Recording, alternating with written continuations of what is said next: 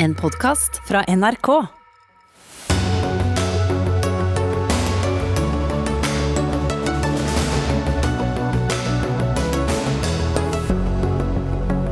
Nå er det alvor. Vi er inne i annen bølge, sier helseminister Bent Høie om smittesituasjonen og koronaviruspandemien. Vi spør hva har vi i vente? Det er valg i USA. Donald Trump er i Washington, Joe Biden holder valgvake i Wilmington i Delaware. Vi er selvfølgelig begge steder, og på plass i Florida, som kan bli et briste eller bære for Donald Trump. Vi er kloke av skade, ingen tar Biden-seier for gitt, sier en demokrat som kommer til oss, mens republikaneren som blir med, var skeptisk til Trump for fire år siden. I dag stemmer han med stor begeistring. Spørsmålet er når får vi et resultat fra valget i USA? Det siste markedene ønsker seg, er en uklar seier, sier finanskorrespondenten til Financial Times. Politiet i Østerrike tror gjerningsmannen var alene om å drepe fire og skade langt flere. I Wien i går, den østerrikske hovedstaden, sto stille, Europa holdt pusten. De har funnet sympatier med IS, men betyr det at det er terrororganisasjonen som står bak? Vi spør terrorforsker Thomas Hegghammer. Velkommen til Dagsnytt 18 med Ugo Fermariello i studio. Men først altså om pandemien vi er midt inne i. På regjeringens pressekonferanse om smittesituasjonen i ettermiddag varslet helse- og omsorgsminister Bent Høie fra Høyre at det kommer strengere nasjonale smitteverntiltak senere denne uken, og at vi er inne i den andre bølgen. Bent Høie, velkommen. Hva vet du nå som gjør at du kan kalle det for den andre bølgen? Da er vi i en situasjon der eh, vi har en kraftig økning i antall som tester positivt, og der dette har dobla seg fra en uke til en annen. Og Da er vi inne i starten på en andre bølge i Norge òg, sånn som vi nå har sett i de fleste landene rundt oss. Er du bekymret for kapasiteten i helsevesenet? Ja, hvis utviklingen får fortsette, så er det jo sånn at uh, selv om vi har uh, bedre kapasitet nå til å kunne håndtere de mest intensivt syke, så vil jo dette kunne gå på bekostning av andre pasienter. Uh, vi vet at hvis dette utvikles, så vil en bli igjen nødt til å utsette andre operasjoner, undersøkelser og behandlinger. Og for de som jobber i helsetjenesten, så vil det oppleves å være knestående. For dette er ekstremt krevende. fordi blir det økt smitte i befolkningen, så blir det også økt smitte blant de som jobber i helsetjenesten. Og da blir det enda tøffere for de som må på jobb. Nå er det alvor. Sa du, har det ikke vært det hele tiden? Eh, jo, men eh, jeg tror nok at de fleste av oss har opplevd at vi i ganske lang tid i Norge nå har kunnet levd eh, nesten som normalt. Og det er jo rett og slett fordi vi har hatt kontroll på smitten. og, og ikke vært i samme situasjon som en del andre land. Nå ser vi begynnelsen på det som vi ser i resten av Europa, og det betyr at nå må vi innføre ytterligere strenge tiltak. Fordi vi ikke føler oss trygge nok på at det vi gjorde i forrige uke, er tilpassa situasjonen, og vi kan ikke vente og se på resultatene. For det vil ta 10-14 dager, sa direktoratet selv. Hvilke type tiltak må vi forberede oss på? Det handler jo egentlig om det veldig enkle, nemlig at eh, vi må møte færre mennesker. Vi må være hjemme hvis vi er syke, og så må vi holde hendene rene og holde avstand. og det, Alle tiltakene skal bidra til at vi klarer det. Og Så har vi i tillegg en situasjon knyttet til at det er så høy smitte nå i Europa at vi må redusere antallet som reiser mellom Norge og Europa, f.eks. For, for å jobbe i Norge. og Være sikrere på at de følger de reglene som gjelder. Når kommer disse tiltakene? Statsministeren skal holde en redegjørelse i Stortinget på torsdag, og vi jobber veldig intenst for at hun skal kunne legge fram tiltakene i den redegjørelsen, eller iallfall hovedskissen av tiltakene der. Hvorfor vente til torsdag? Det er rett og slett fordi at eh, vi trenger den tiden nå på å kvalitetssikre tiltakene. Helsedirektoratet og Folkehelseinstituttet begynte å jobbe med dette gjennom helgen. Eh, og, for, og vi jobber fortsatt intenst med å få uh, konkludert på hva som er de riktige tiltakene. Storbritannia har stengt store deler av samfunnet fra i dag, Frankrike fra noen dager siden. Men de har valgt å holde barnehager og skoler åpne, i den grad det er mulig på landsbasis. Og så er det lokale tilpasninger. Vil du og regjeringen klarer å holde skoler og barnehager åpne?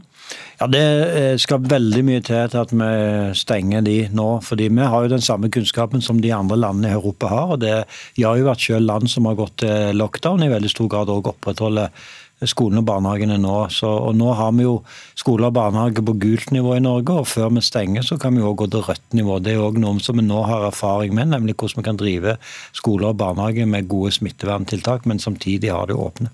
Må vi belage oss på et portforbud, som det er i flere land? Nei, vi vi gjør jo dette nå både for å beskytte folk mot smitten, for å beskytte helsetjenesten, men òg for å prøve å unngå de mest alvorlige tiltakene som har veldig store negative konsekvenser, sånn som portforbud. Men portforbud er jo en del av verktøyene som vi har i kassen, men det er det som ligger helt nederst i kassen, og det ønsker vi jo ikke ta opp før vi har behov for det. Enn så lenge er det et sett regler som gjelder, og det er litt forskjellig fra kommune til kommune. Statsminister Erna Solberg oppfordret i helgen folk til å gå og spise på restaurant, men overholde selvfølgelig reglene. Avstand, rene hender. Vil du si det samme? Skal vi gjøre det vi kan, i den grad det er mulig, og vi gjør det forsvarlig, selvfølgelig? Ja, vi skal gjøre det vi kan gjøre, men vi skal òg være veldig bevisst på at vi ikke nå er, gjør det og samtidig møter veldig mange uh, nye mennesker hele veien. Det er et veldig viktig budskap, men det betyr at uh, du kan gå ut og spise med kjæresten din eller familien din. Uh, men det å nå være mange nye sammen hele veien, det må en unngå. Og torsdag kommer det nye tiltak? Det er det vi nå jobber fra, at statsministeren kan legge fram enten tilt hele tiltakspakken eller hoveddelen av dette i redegjørelsen til Stortinget på torsdag. Takk. Bent Høie, helse- og omsorgsminister.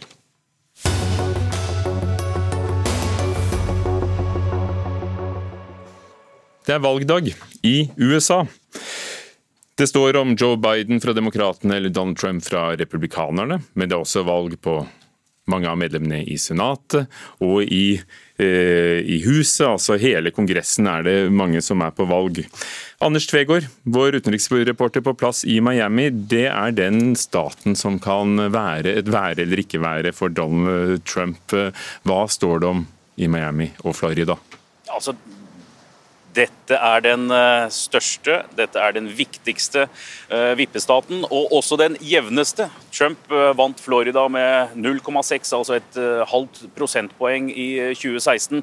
Og målingene i år tyder også på ganske så statistisk dødt løp mellom Biden og Trump. Her handler det i dag om å få stemmefolk inn i stemmelokalen i dag. Det er jo rekordmange som også har forhåndsstemt her i Florida. Førstedame Melania Trump hun har vært i Palm Beach og avlagt sin stemme in person, som hun sier i dag, for hun syns det er stort å gjøre det på valgdagen. Tradisjonelt så er det republikanerne som eh, møter opp i valglokalene på selve valgdagen. Demokratene i år har vært flinkere pga. pandemien til å bruke poststemmer eller eh, forhåndsstemme. Men dette er altså gullbilletten til Det hvite hus, et ryk eller reis for Donald Trump. Er det like viktig for Joe Biden? Eh, han har andre veier til Det hvite hus eh, dersom han skulle tape Florida. Eh, og det er jo spennende å se om det blir en blå bølge i USA ved dette valget, eller som Trump sier, en rød bølge. Teknisk sett så kan det de første timene i kveld vise at rød eh, republikansk eh, flertall mens stemmene telles opp flere steder. Men det skyldes også at det tar tid å telle opp eh, poststemmene. Og som nevnt, poststemmene det er det da ofte mange demokrater som har benyttet seg av i år. Og Trump han har jo sådd tvil om resultatet denne valgkvelden, og, og da sagt at han, ikke, han mener det er feil å godta stemmer som kommer inn senere. Han har altså ikke forberedt USA på hvordan demokratiet fungerer, eller eller at hver stemme skal telles opp. Takk, Anders Tvegård i Miami. Vi kan legge til at førstedamen Melania hun, eh, hun stemte da uten munnbind. Men eh, hva vi skal legge i det? Ja, Gro Holm, du står i en symboltung by midt i Philadelphia, der både uavhengigheten og grunnloven ble sikret. Hvordan er valgdagen der? Ja, jeg står utenfor et ganske lite valglokale i sentrum av Philadelphia. Eh, medarbeideren her forteller at det var eh, kø i dag tidlig. Nå eh, går det ganske rolig for seg. Folk kommer og går her, ingen kø lenger. Eh, men det er klart at det er utrolig spennende her i Pennsylvania. For hvis Trump vinner Florida og de statene i såkalte solbeltet som han vant sist, så har han likevel behov for å vinne én av statene her i nord og nordøst. Eh, en av de statene han slo Hillary Clinton i så vidt i 2016. Og da snakker vi Pennsylvania, Michigan og Wisconsin. Pennsylvania er den staten hvor, eh, hvor kandidatene ligger nærmest nå. Biden har bare en ledelse på mellom 4 og 5% et sted. Og det er eh, statistisk sett slik at, at det ikke er signifikant. sånn at han eh, har en mulighet her, Trump, eh, og veldig mye kommer an på hvor mange republikanske velgere som møter opp i valglokalene her i dag. Dette er jo en veldig splittet stat, hvor Philadelphia, her hvor jeg er, er typisk eh, demokratisk, mens du har fylker i vest, og særlig i nordøst, de mer landsbygdaktige fylkene, hvor, hvor Trump og republikanerne står sterkt. Vi beveger oss opp og ned langs østkysten av USA. Anders Magnus, USA-korrespondent i Washington DC. Donald Trump skal være i Det hvite hus eh, valgnatten og under hele opptellingen. Hvordan forbereder byen seg? Her eh, stemmer man som eh, alle andre steder i USA, og nå har nettopp en framtredende politiker fra Det hvite hus kommet inn her for å stemme, med fire sikkerhetsvakter i følge. Eh, det er enten eh, sikkerhetsrådgiver O'Brien eller stabssjef Mark Meadows. Litt vanskelig å se eh, når de har munnbind på seg. Men det er en jevn strøm av velgere her i Washington DC.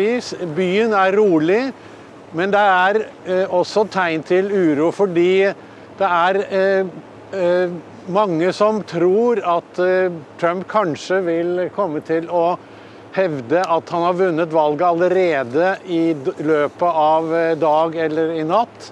Og da er det tillyst demonstrasjoner i morgen.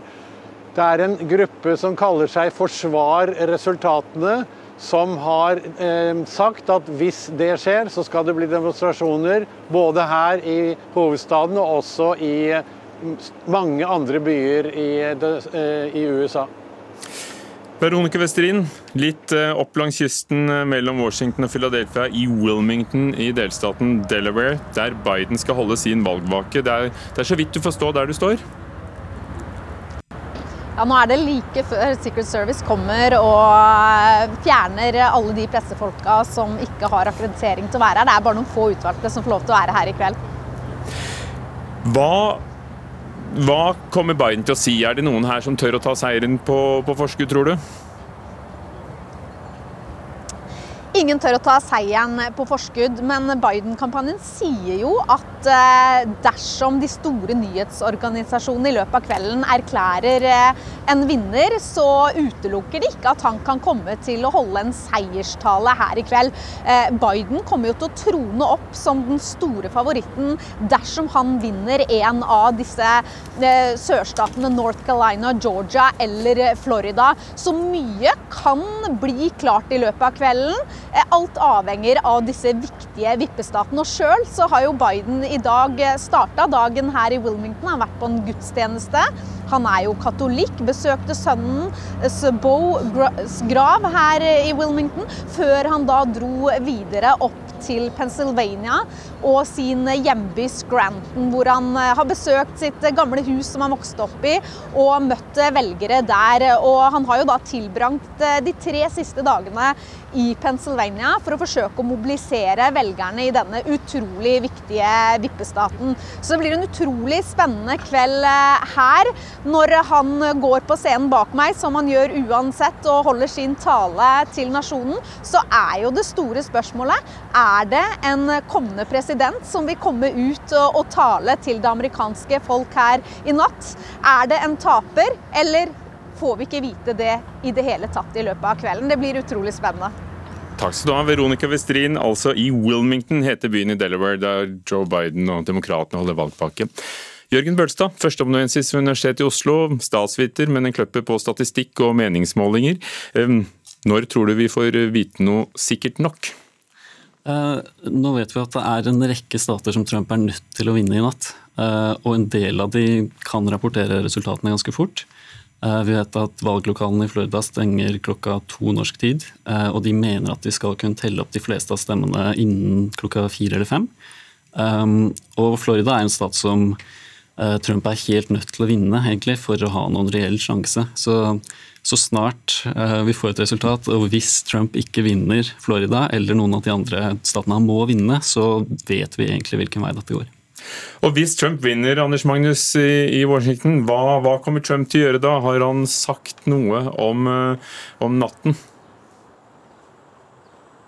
Sa du, eh, Nå må du gjenta det. Hvis hvem vinner, sa du? Hvis Trump vinner, har han sagt noe om eh, hva som skal skje? Trump skal ha et stort selskap i eh, Det hvite hus i dag med 400 gjester, men det blir nok mest en valgvake. Han har ikke sagt noe spesifikt om hva han kommer til å gjøre hvis det ser ut til at han ligger an til å vinne, men noen i staben, valgkampstaben hans har sagt at eh, han kanskje kommer til å erklære seier i løpet av eh, natten eller tidlig i morgen, hvis det ligger an til at han vinner.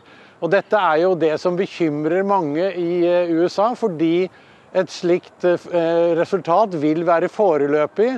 Det skal telles mange stemmer i mange delstater.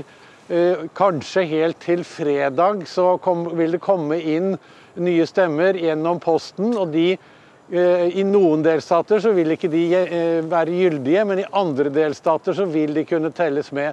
Og Hvis dette da er de vippestatene, og det kan være veldig små forskjeller, så kan altså det avgjøre hele valget. Så det er jo i tilf dette tilfellet at man frykter at det kan bli uro her i USA. Jørgen Bølstad, hva sier meningsmålingene nå? Uh, ja, eh, Vi kan jo se på de to viktigste prediksjonsmodellene, altså den fra The Economist og den fra 538. Uh, 538 gir vel Trump en sjanse på rundt 10 uh, nå. Jeg har ikke sjekka akkurat i dag. The Economist ligger på 3-4% Jeg tror du sa 3% uh, 3 ja. ja 1 av 20 for Donald Trump, eller 19 av 20 for Joe Biden. 97% Ja, Så vi kan jo tenke oss at sannheten kanskje ligger et sted mellom de to modellene. Og det det betyr, er jo at hvis man f.eks. ser på hvor mye feil meningsmålingene tok i 2016, for da var de litt unøyaktige, Eh, hvis man tar en sånn feil og legger det på den situasjonen man har nå, så er så, en, den feilen ville ikke vært stor nok til å gi Trump en seier ut fra de målingene vi ser i dag. Um, så i dag vil vi kanskje måtte se en målefeil på uh, to-tre ganger større enn det vi så sist. Så statistikerne har, har lært noe? Uh, nei, altså vi har jo, Forskjellen er jo egentlig at løpet er annerledes denne gang. Altså Bidens ledelse er betydelig større enn den Hillary hadde sist. Um, og Det betyr jo at uh, det skal mye mer til for å ta feil denne gangen. Og Hva er det som skal til for at de tre prosentene slår til? Nei, altså jeg tenker Det er jo egentlig det jeg akkurat nevnte. altså Det at, det at meningsmålinger tar veldig, veldig feil. Uh, mer feil enn de pleier. Um, eller at uh, det skjer noe Men det er jo da en reell sjanse, ifølge meningsmålingene. Jeg tenkte, det er en, Hvilke reell... stater er det som må til? Hva, hva ser du som uh, tilnærmet statistiker og statsviter øh, at, at må skje? Hvor er det velgerne må slå til? Uh, nei, altså, Da er det jo en rekke stater hvor man må ha målt uh, veldig feil. Uh, for det er klart, altså, hvis vi, hvis, vi, ser på hvilken stat som kanskje er den som trengs for å komme til 50% av valgmennene, så er det Pennsylvania. men altså, mellom Pennsylvania og de sikre statene for Trump, så er det en rekke andre stater han også må vinne før han kommer opp til Pennsylvania. så det er det er en veldig lang vei til 50 eh, av valgmennene for Trump. Er det en mulighet for at resultatet vil bli trenert? Altså et, uklar, et uklart resultat, at det vil bli trukket i tvil? Altså dette kommer veldig an på hvor jevnt uh, resultatet blir. Hvis vi får helt jevne resultater i viktige stater som viser seg å kunne avgjøre valget, altså eh, lignende Florida i 2000. altså Hvis Pennsylvania skulle bli så jevnt i år, og at Pennsylvania skulle være en avgjørende stat, eh, da kan vi jo for det første måtte vente til fredag på å se hva resultatet i Pennsylvania blir. Og så kan vi se for oss at det blir et oppgjør i rettsvesenet hvor man prøver å få eh, stoppa opptellingen, eller få eh, ja, kaste noen stemmer ut så de ikke blir med i opptellingen, f.eks. Mm. Er, det, er, det, selvsagt at uh, resultatet i uh, Representantenes hus og, og Senatet følger uh, presidentkandidatene? nei, det er det jo ikke. altså, Representantenes hus er nesten sikkert for demokratene. Senatet derimot, der har de kanskje en 75-80 sjanse for å ta det tilbake. Og Det er klart at det er kjempeviktig, for vi vet at republikanerne ikke er veldig interessert i å Eh, jobbe på tvers av partiskillelinjene og kompromisse. Eh, så dersom demokratene skulle klare å ta alle tre institusjonene, altså presidentembetet, Representantenes hus og Senatet, da har de plutselig makt til å gjøre det de vil. Eh, Så det er veldig viktig, og de har 75-80% sjanse for å ta senatet. Takk skal du ha. Jørgen Børstad, førsteamanuensis ved Universitetet i Oslo og vår tallknuser her i NRK i, i kveld. Og hva vil de med den makten? Det skal vi snart få høre om.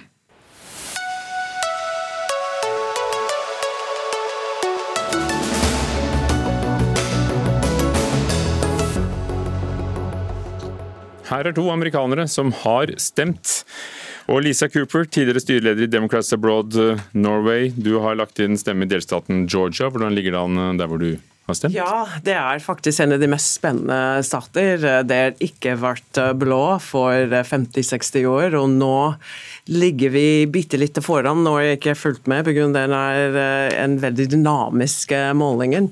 Men det som er spennende der, er ikke bare å, stemme for Biden, men også å potensielt vipper to, ikke bare én, senatplasser. Så Georgia er plutselig egentlig i sentrum, eller en av de flere, det er 50 stater. ikke sant? Så. Din stemme kan bety yes. mye.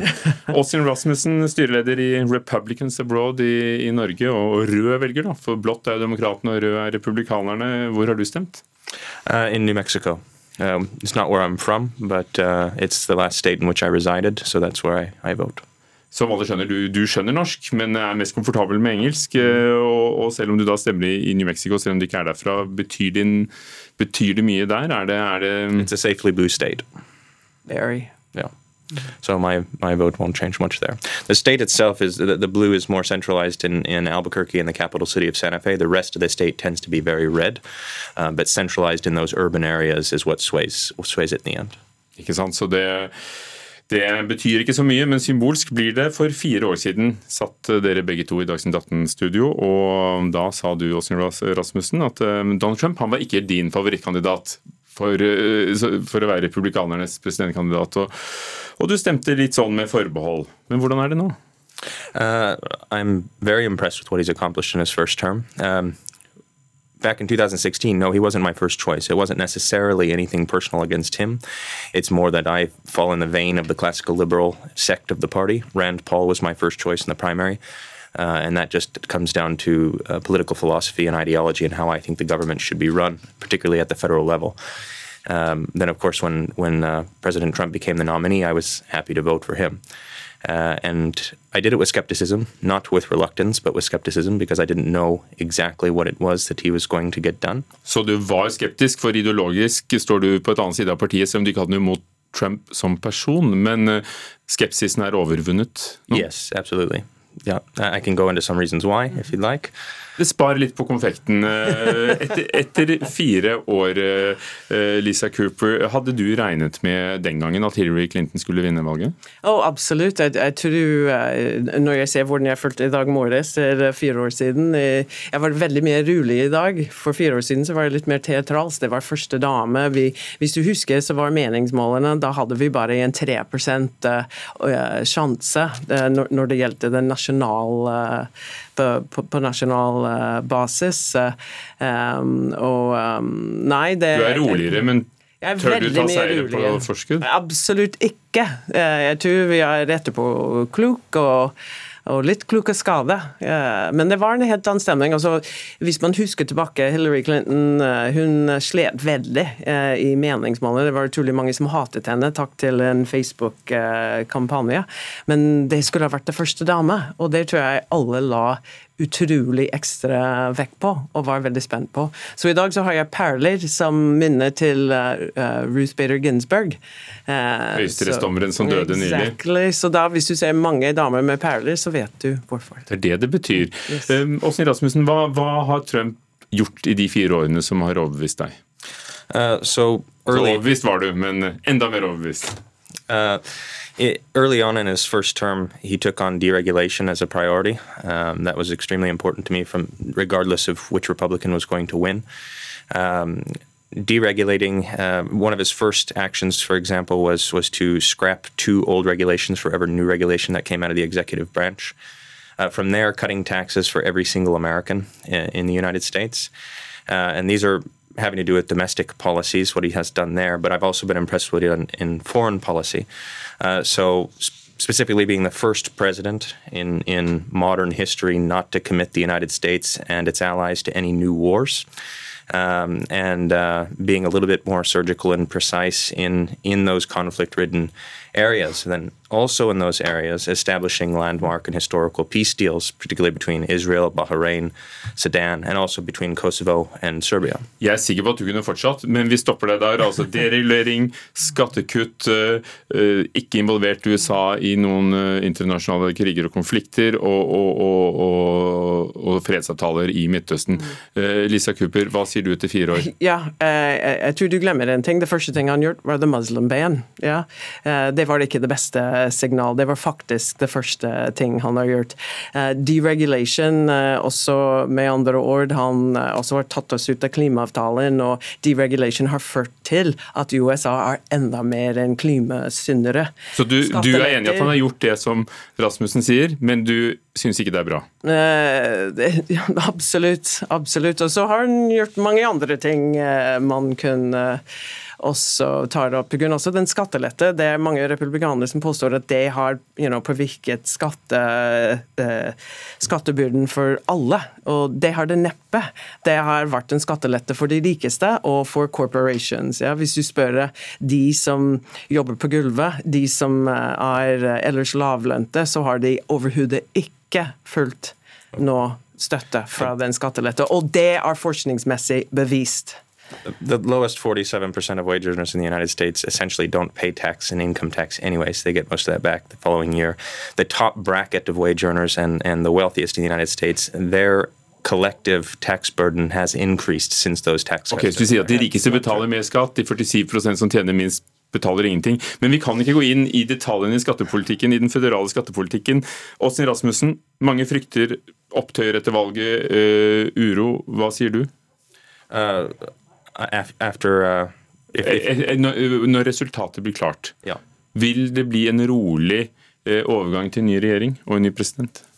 Uh, well, if, if Trump wins, um, then I, I don't think we're going to see anything new. What a lot of people don't want to address right now is that the largest Democrat run cities in America have been burning for over six months. It's been rioting and looting consistently for over six months. Uh, if Trump wins, then I do think there's a high chance that that rioting and looting and that violence uh, will continue. Um, and uh, and I mean, if we look at these cities um, that are run by Democrats, where the uh, where the violence has been ongoing for over half a year, all the businesses are boarding up their windows, they're boarding up their doors, they're putting these precautions and securities in place to protect themselves because they anticipate these people causing such violence. And in any of these crowds, Antifa, Black Lives Matter, and Black Lives Matter, I mean big BLM, not little BLM, um, these are all violent people that are voting for Biden. Not one Trump voter in those crowds are you going to find. Those ones throwing Molotov cocktails at police officers. And, Jeg må stoppe deg, Austin Rasmussen. Men altså det du sier at eh, disse opptøyene vi har sett, som du mener er i de største demokratisk styrte byene, de vil fortsette, og det er folk som stort sett stemmer på Biden. Hva tror du, Lise Cooper? Jeg så du ristet på hodet. Det, det er eh, en, en, eh, fantasi som er veldig republikansk, for det første. Når det gjelder disse byene, det er overhodet ikke alle de blå statene. Og du bare hører den retorikken. Blå, redd. You know, hvor i all verden kom det fra? Eh, når det gjelder de som tyter til valg, har man sett på Texas, hvor de prøvde å kjøre dem ut av veien. Har du sett på hva The Proud Boys begynner å gjøre? Det er faktisk de Proud, proud Boys og de republikanere som fører til mer vold. Lisa Cooper, Åshin Rasmussen, Lisa Cooper, Åshin Rasmussen. Vil dere kunne få en president, uansett hvem det blir, som er alle amerikaneres president? Som er din president, som er din president? Ja, absolutt. Det tror jeg. Jeg har stor tro på um, Presidenten er presidenten. Jeg tror egentlig spørsmålet er, er det en Også president Trump. som kan forene USA. Det, det, tror jeg ikke egentlig Donald Trump har noen intensjoner til å gjøre heller. Vil du kunne føle eventuelt at Joe Biden er din president? If he wins the election, just, if he wins the election legitimately, then of course he's, I'm an American citizen. So if he wins legitimately, then he is my president. Og du har amerikansk flagg på jakkeslaget. Mm. Takk skal du ha. Åsne Rasmussen Republicans Abroad, Lisa Cooper, medlem i Democrats Abroad. Yep.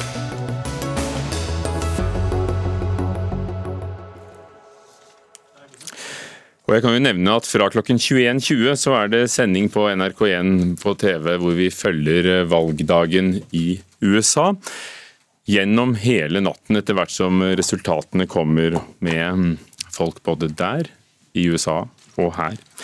Geir Lundestad, historiker. Du har fulgt USA hele livet. Du har skrevet eh, tallrike bøker om USA. De står på pensum på universiteter over hele verden. Og nå sitter du og ser på, ja, jeg vet ikke hvor mange valg du har uh, fulgt ja, hittil? Jeg begynte vel uh, i 1960 å følge intenst med. Du er historiker. I nesten 25 år var du da direktør ved Nobelinstituttet. Ja. Um, ja, Vi hørte republikaneren her si at eh, han uh, har skapt flere fredsavtaler og uh, er en av de få presidentene som ikke har engasjert USA i internasjonale konflikter. Har Donald Trump vært en fredelig president? Nei, det har han ikke vært på noen som helst måte. Det viktigste er jo på mange måter det indrepolitiske. Han har jo jobba hardt for å sette grupper opp mot hverandre. Og hele hans valg og hele hans system er jo basert på at han har sine kjernegrupper, og, og behandle andre grupper ganske negativt. Hans store fortjeneste det var 19, da han ble valgt da, i 2016. Så ga han blaffen i den analysen som de fleste ga. Eh, de hadde jo tapt valget i 2008, og de hadde tapt i 2012. Og republikanerne hadde satt ned kommisjon på kommisjon. Hva skal vi gjøre? Vi har jo tapt mot en svart mann! For en skandale! Vi må, eh, vi må gjøre noe. Og da var jo svaret at vi må bre ut profilen. Vi kan ikke bare satse på velstående hvite menn. Og det var jo den analysen som eh, Trump da bare la bort med en gang. Han satsa på hvite menn. Han skjønte det at ennå er 60-70% av befolkninga i USA hvit. Og han, alt dette med sats på minoriteter og alt dette Han la det bort. Vi så jo alle hva som var i ferd med å skje, men vi trodde ikke det var nok sure, eldre, hvite menn uten utdannelse. Eh, men det var nok. Det bar. Og så fikk han jo faktisk en del støtte. Han fikk 29% av de spansktalende stemmer. Ei gruppe som han har skjelt ut som mordere, voldtektsforbrytere, hele bunten. Det som har skjedd nå, er at, siden da, er at han har jo tapt i mange, eh, særlig hvite eh, kvinner. Han har tapt mange av dem. Men han har tapt en del hvite menn også. Det er klart, korona det er jo Mange av disse her vil jo De kunne vært døde. Så, men han har klart å få viss, en viss eh, økt støtte blant de spansktalende, og han har sågar også fått en del svarte velgere. Det er jo marginalt, da, men han har fått noen.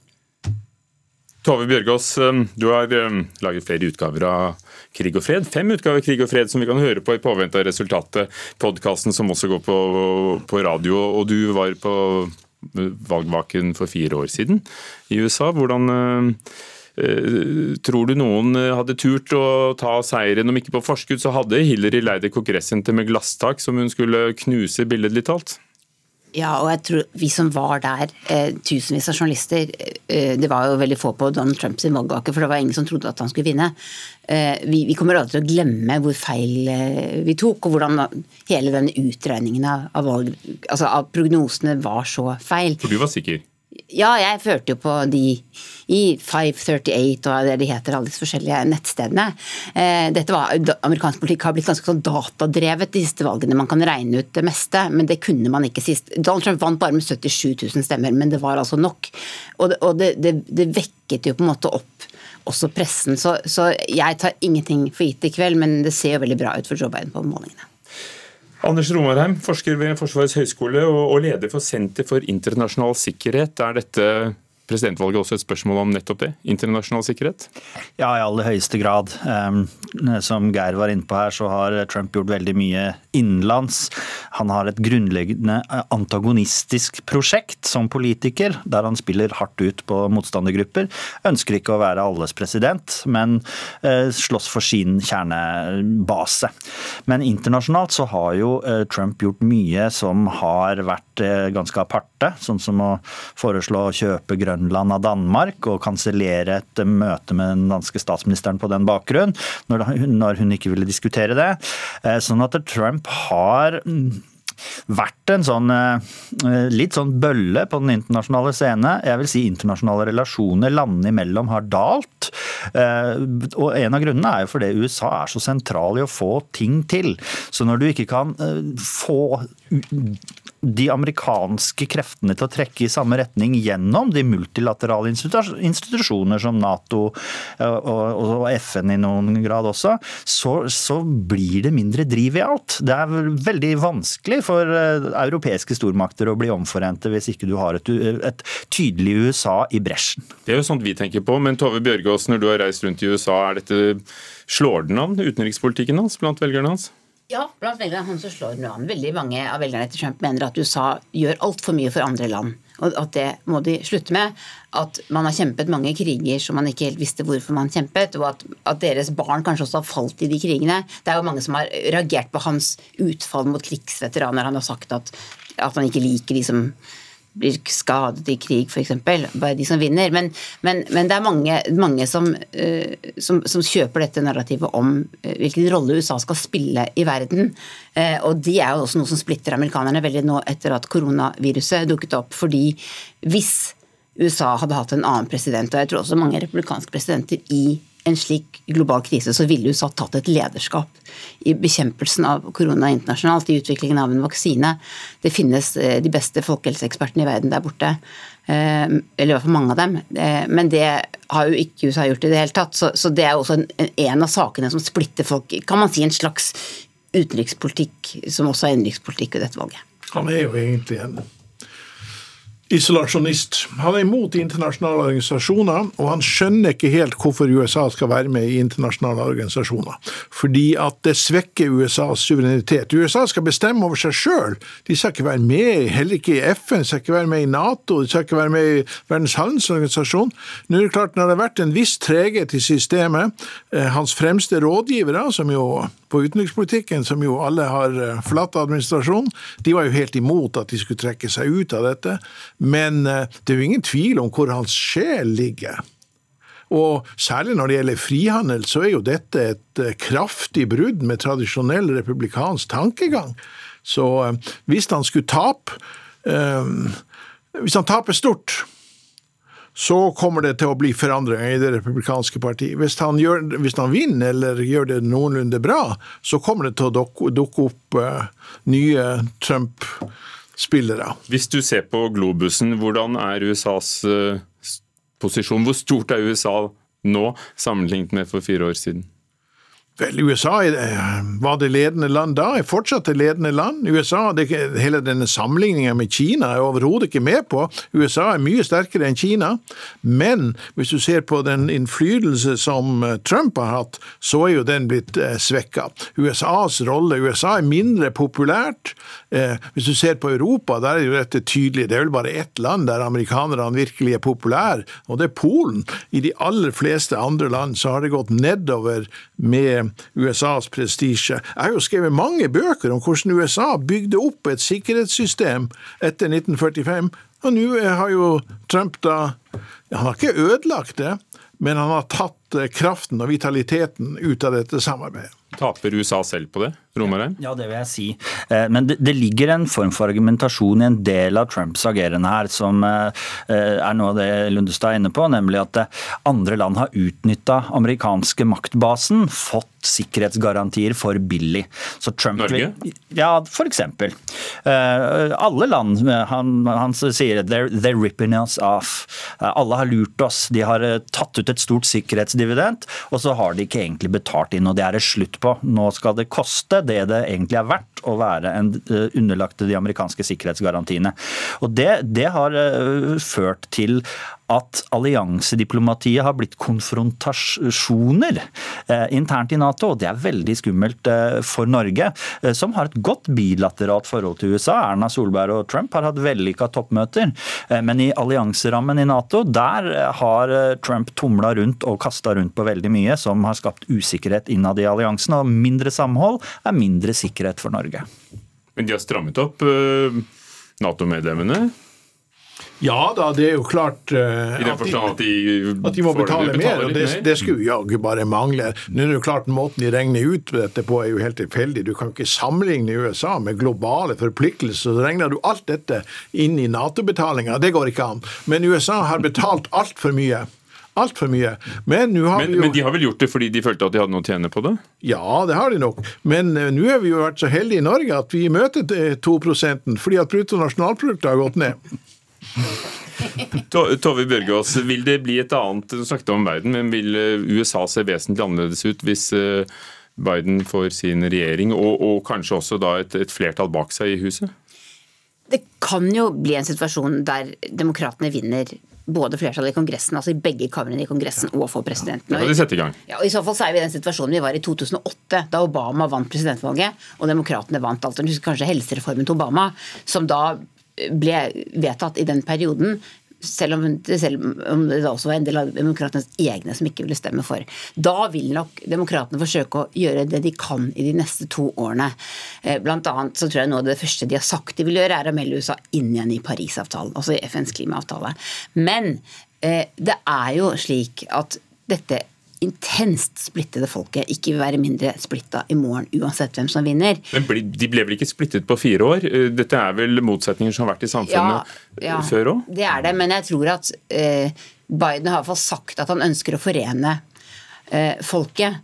Eh, og jeg vet ikke om han kommer til å klare det, men jeg tror det er en viktig grunn til at han er kandidaten til demokratene i dette valget. For hvis de hadde valgt en kandidat mye lenger til venstre, eh, så hadde de ikke fått med seg en del av de velgerne på midten, kanskje. Og så hadde kanskje de fått med seg flere unge, eh, men det hadde eh, blitt kanskje enda mer splittelse. Så, så, så hvor langt de vil gå, det er jeg usikker på. Men det er klart at, at det å bygge opp igjen noe av det som Trump har bygget ned, da, det, det vil jo være noe av det første de vil begynne med. Men selvfølgelig det aller første vil jo være å forsøke å få kontroll over pandemien.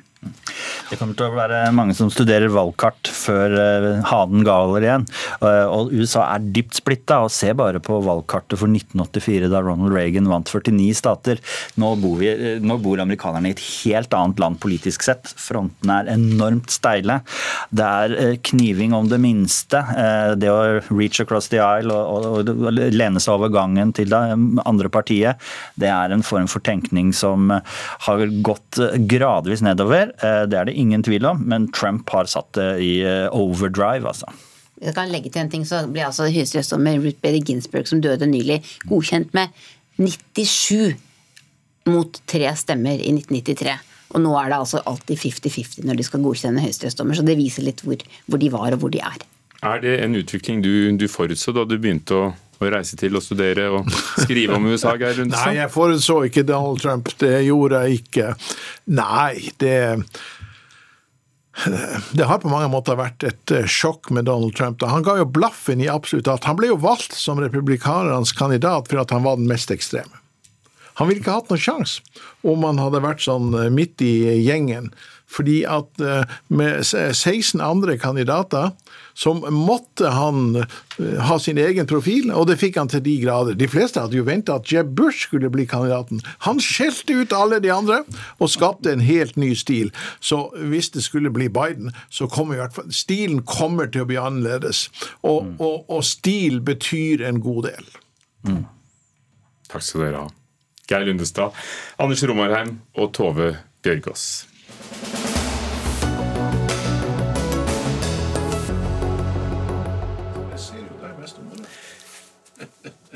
Men hva betyr det for økonomien og finansmarkedene om den ene eller andre vinner det amerikanske valget? Vanligvis er eh, markedene mest positive til en republikansk president, men nå har markedet innstilt seg på at demokratene og Biden vinner. Er det ikke sånn, Kjersti Haugland, sjeføkonom i DNB Markets? Jo, det kan se sånn ut. eh, Og det er som du sier ikke helt eh, vanlig at markedene da tar så positivt imot en nyhet om at det drar seg mot en eh, demokratisk seier. Eh, Fordi at eh, det gjerne betyr eh, skatteøkninger, sånn som det faktisk vil gjøre, da. eh, Ifølge Bidens plan, hvis han bare får nok politisk kraft til å gjennomføre det. Men akkurat nå så fokuserer markedet på at det, hvis demokratene vinner, og vinner stort, eh, og tar hele Kongressen, så er det sjanse for at det kommer vesentlig mer stimulanser, rett og slett. Offentlig etterspørsel direkte ut i økonomien, overføringer til bedrifter og husholdninger, som kan løfte økonomien ut av en veldig vanskelig situasjon. Så markedene legger mest vekt på det nå. Robin Wigglesworth, internasjonal finanskorrespondent for Financial Times. Du er, eh, du er altså norsk og, og, bor og skriver fra Norge. Du har fulgt de amerikanske markedene som eh, redaktør for dem i Financial Times i New York for fire år siden. Eh, det er litt uvanlig det at det er demokratene som får med seg markedene, er det ikke det? Jo, det er det. Altså, som Kjersti sier, så pleier demokratene å være noe finansmarkedene er ikke så glade i, for det pleier å bety litt mer skatteøkninger, og også det liksom tyngre reguleringer på en del deler av økonomien, om det er sånn litt sånn skitten energi, eh, banker bl.a. etter finanskrisen, men det har endret seg litt nå.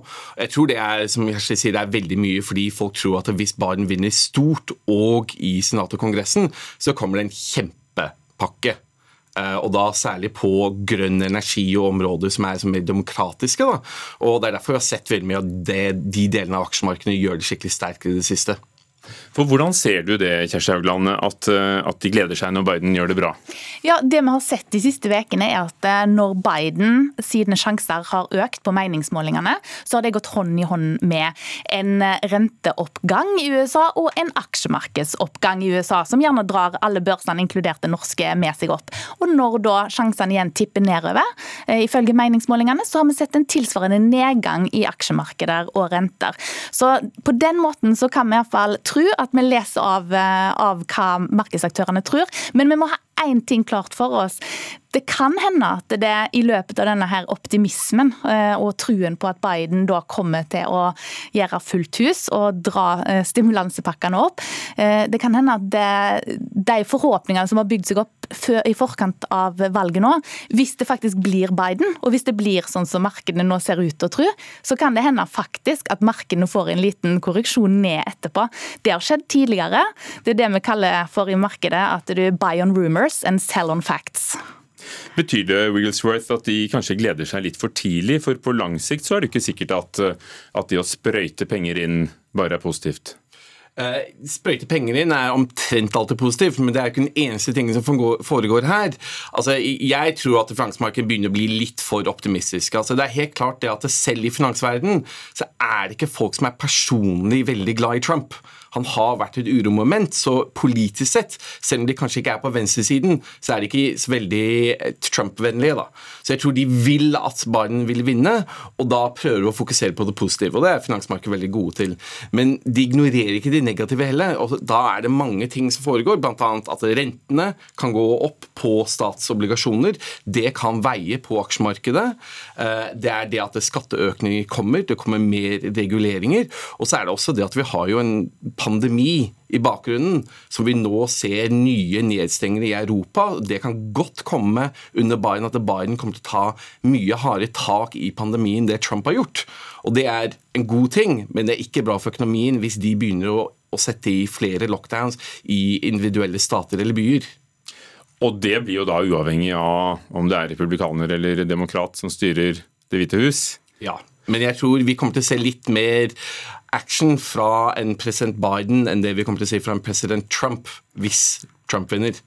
Ja, det er jo gjerne sånn at eh, Nå er det jo sånn at delstatene har ansvaret for eh, hva slags type politikk de fører på smitteverntiltakene. Men det er jo klart at hvis da det stilles mer penger til rådighet fra sentralt hold, hvis en lover det at hvis dere stenger eh, delvis eh, ned eh, aktiviteten i økonomien for å få kontroll på smitten, så får dere støtte fra oss på føderalt plan. Da blir det jo lettere for delstatene å nettopp gjøre det, hvis de egentlig ønsker det.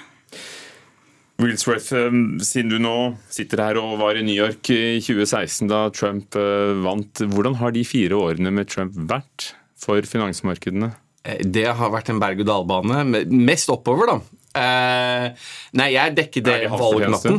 Ja, nei, altså det var Valgnatten var jo alle kjemperedde, og de så så snart Trump, det så ut som Trump skulle vinne, så begynte altså, markedene å falle ganske raskt. Men så hadde jo han en liten tale hvor han hørtes litt mer som presidentaktig ut. da, Og folk begynte å tenke ja, men det betyr jo kanskje skatteletter, det betyr kanskje mer penger til infrastruktur, det betyr kanskje liksom mye ting vi investorer liker. da. Og Siden da så var det mest oppover. Og Det var jo ikke bare pga. politikken hans, det var jo det at han arvet en økonomi som hadde vært på bedringens vei fra Obama en ganske lang stund, og han fikk det en slags den finere delen av oppgangskonjunkturen etter finanskrisen, og tok jo all kreditten for den, da. Men eh, Nå snakker vi om de store markedene her. Kjersti Haugland i DNB Markets, hva sier du til til småsparerne? Betyr det noe? Har dere noe råd før valget i USA? Jeg tror vi skal være veldig forsiktige med å gi råd. Det er veldig store usikkerhet. Men vil det ha konsekvenser for for pensjonene for eh, de som har noen aksjer? Noen altså, hvis en skal tro på altså Biden skal bruke Biden og demokratene da, i en eventuelt og en samla kongress der de har flertall i begge kamre, eh, så eh, tror jeg det kommer til å bli brukt mer penger. Og det vil bety at, at det kan bli økte renter blant annet, og økt avkastning på sparepengene. Så sånn sett så kan Også det være i Norge? For Amerikanske renter har veldig masse å si for norske renter. Har din, stille, din avis Robin Wigglesworth tatt stilling i, og anbefalt noe på lederplass? for valget? Det vet jeg faktisk ikke. Jeg prøver å unngå å lese de, de sidene. Jeg syns det farger liksom hvordan jeg dekker det. Men jeg hadde ikke vært overrasket om Financial Times sa at eh, vi hadde foretrukket om Biden vant valget. da. For å si det sånn. Jeg tror ikke det er eh, hadde overrasket meg stort. Takk skal du ha. Robin Wigglesworth, internasjonal finanskorrespondent for Financial Times, og Kjersti Haugland, sjeføkonom i DNB Markets.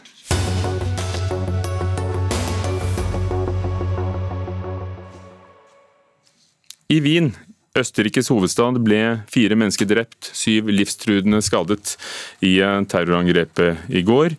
Ehm, en antatt gjerningsmann er også drept av politiet. Han sympatiserte etter materialet de har funnet med terrororganisasjonen IS, og er tidligere dømt for å ha forsøkt å reise som fremmedkriger til Syria. 14 er nå blitt arrestert i løpet av dagen. Europakorrespondent Roger Sevrin Bruland, du er kommet til eh, Wien. Hva vet du så langt om uh, den antatte gjerningsmannen og, de som er pågrepet? Ja, du ser jo her at uh, her er jo den synagogen ned i gata som en trodde var, skulle være målet. Men nå begynner politiet å tvile litt på det. For det virker som denne gjerningspersonen hadde bare gått rundt i gata her. Og her er jo fortsatt eh, glass på, på, på eh, fortauet, som eh, en nå driver og prøver å rydde opp. Folk måtte jo storme inn fra uterestaurantene og låse døra. så Sånn smittemessig så har jo ikke det vært heldig med tanke på at det var siste kvelden før det nå blir portforbud om natta og restaurantene stenger her i Wien. Så når det gjelder selve eh, ja, etterforskinga, så vet vi veldig lite. Vi vet at dette var en person som hadde slekt fra Nord-Makedonia. Han eh, var født og oppvokst i eh, Wien. Han eh, var da etnisk albaner fra eh, Nord-Makedonia, foreldrene hans. Han hadde ikke vist tegn på radikalisering før noen år tilbake, da han ble arrestert for å prøve å eh, slutte seg til terrorgruppa IS i Syria og Irak. Eh, satt eh, inne i fengsel og skal tydeligvis, ifølge journalister jeg har snakka med her i Wien, ha blitt veldig radikalisert i fengselsoppholdet i Austerrike. Og så skjedde jo det her som skal ha skjedd. Men det er jo veldig kort tid siden dette her har skjedd, så vi vet jo egentlig veldig lite om motivasjon. Om han handla alene, eller om han eh, var en del i et større komplott. Thomas Hegghammer, sjefforsker ved Forsvarets forskningsinstitutt. Um, det er funnet tegn til at han sympatiserte med IS. Hvor sterk står terrororganisasjonen? Som organisasjon så står de jo mye svakere enn de gjorde på toppunktet i 2015. Men uh, ideologien lever jo i beste velgående. Den uh, lever jo i form av propaganda på internett og måte, i, i hodene på alle de folkene som er som, som, på en måte overlevde staten. Og, som, og Mange av de sitter jo nå i fengsel, og noen har begynt å komme ut i Europa. og sånn, sånn at eh, Ideene eh, og måte, måte, det ideologiske prosjektet eksisterer jo fortsatt. og Det er jo det vi på en måte ser eh, nå, da, poppe opp av og til. Så når du ser da en gjerningsmann som denne 20-åringen som da er drept av politiet, en antatt gjerningsmann får vi si, men uh, politiet tror også at det var bare han som skjøt, men har arrestert mange andre. Hvor alene er han? Hvor mye er han en del av et nettverk, tror du? Det er vanskelig å si så tidlig i etterforskninga. Eh, men jeg ble jo veldig bekymra i går når det så ut som at det var flere. For de aller fleste rapportene fra Wien på kvelden eh, sa at det var flere skyttere. Eh, fordi hvis man hadde hatt et, et skytterlag, så hadde det vært mye mer alvorlig. Fordi sånne måte, organiserte operasjoner er som regel mye mer dødelige. Uh, Foreløpig ser det ut som at han har vært alene. Og hvis han, hvis han var alene, så er det på en måte et lite lysglimt i all tragedien. fordi det betyr at, at nettverkene er svakere. Fordi en enkeltperson får gjort mye mindre skade enn et, eh, enn et uh, nettverk. Det kan være lett å tro at um, dette henger sammen med angrepet i Frankrike i forrige uke, uh, Notre-Dame-kirken i Nis. Um, tror du det? Nei, jeg tror ikke det.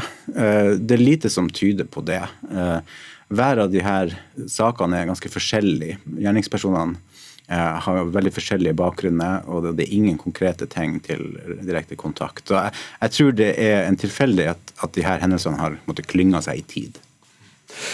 Roger Sivrin Bruland, du står altså på den brostenslagte gaten i, i, Wien med munnbind like ved synagogen der skytingen uh, skjedde.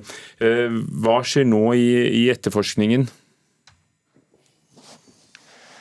Ja, jeg vil, jeg vil, jo gjerne fortelle litt om det som skjer her. Da, for Det har jo vært et uh, voldsomt ragnarok der det har gått en gal mann rundt med automatvåpen og bare skutt inn gjennom alle vinduene. Nå ser vi at at folk eh, begynner å rydde opp fra kommunen, alle glassbråta. Og byen er helt tømt eh, for folk. Det er ikke bare fordi at det er koronanedstengning.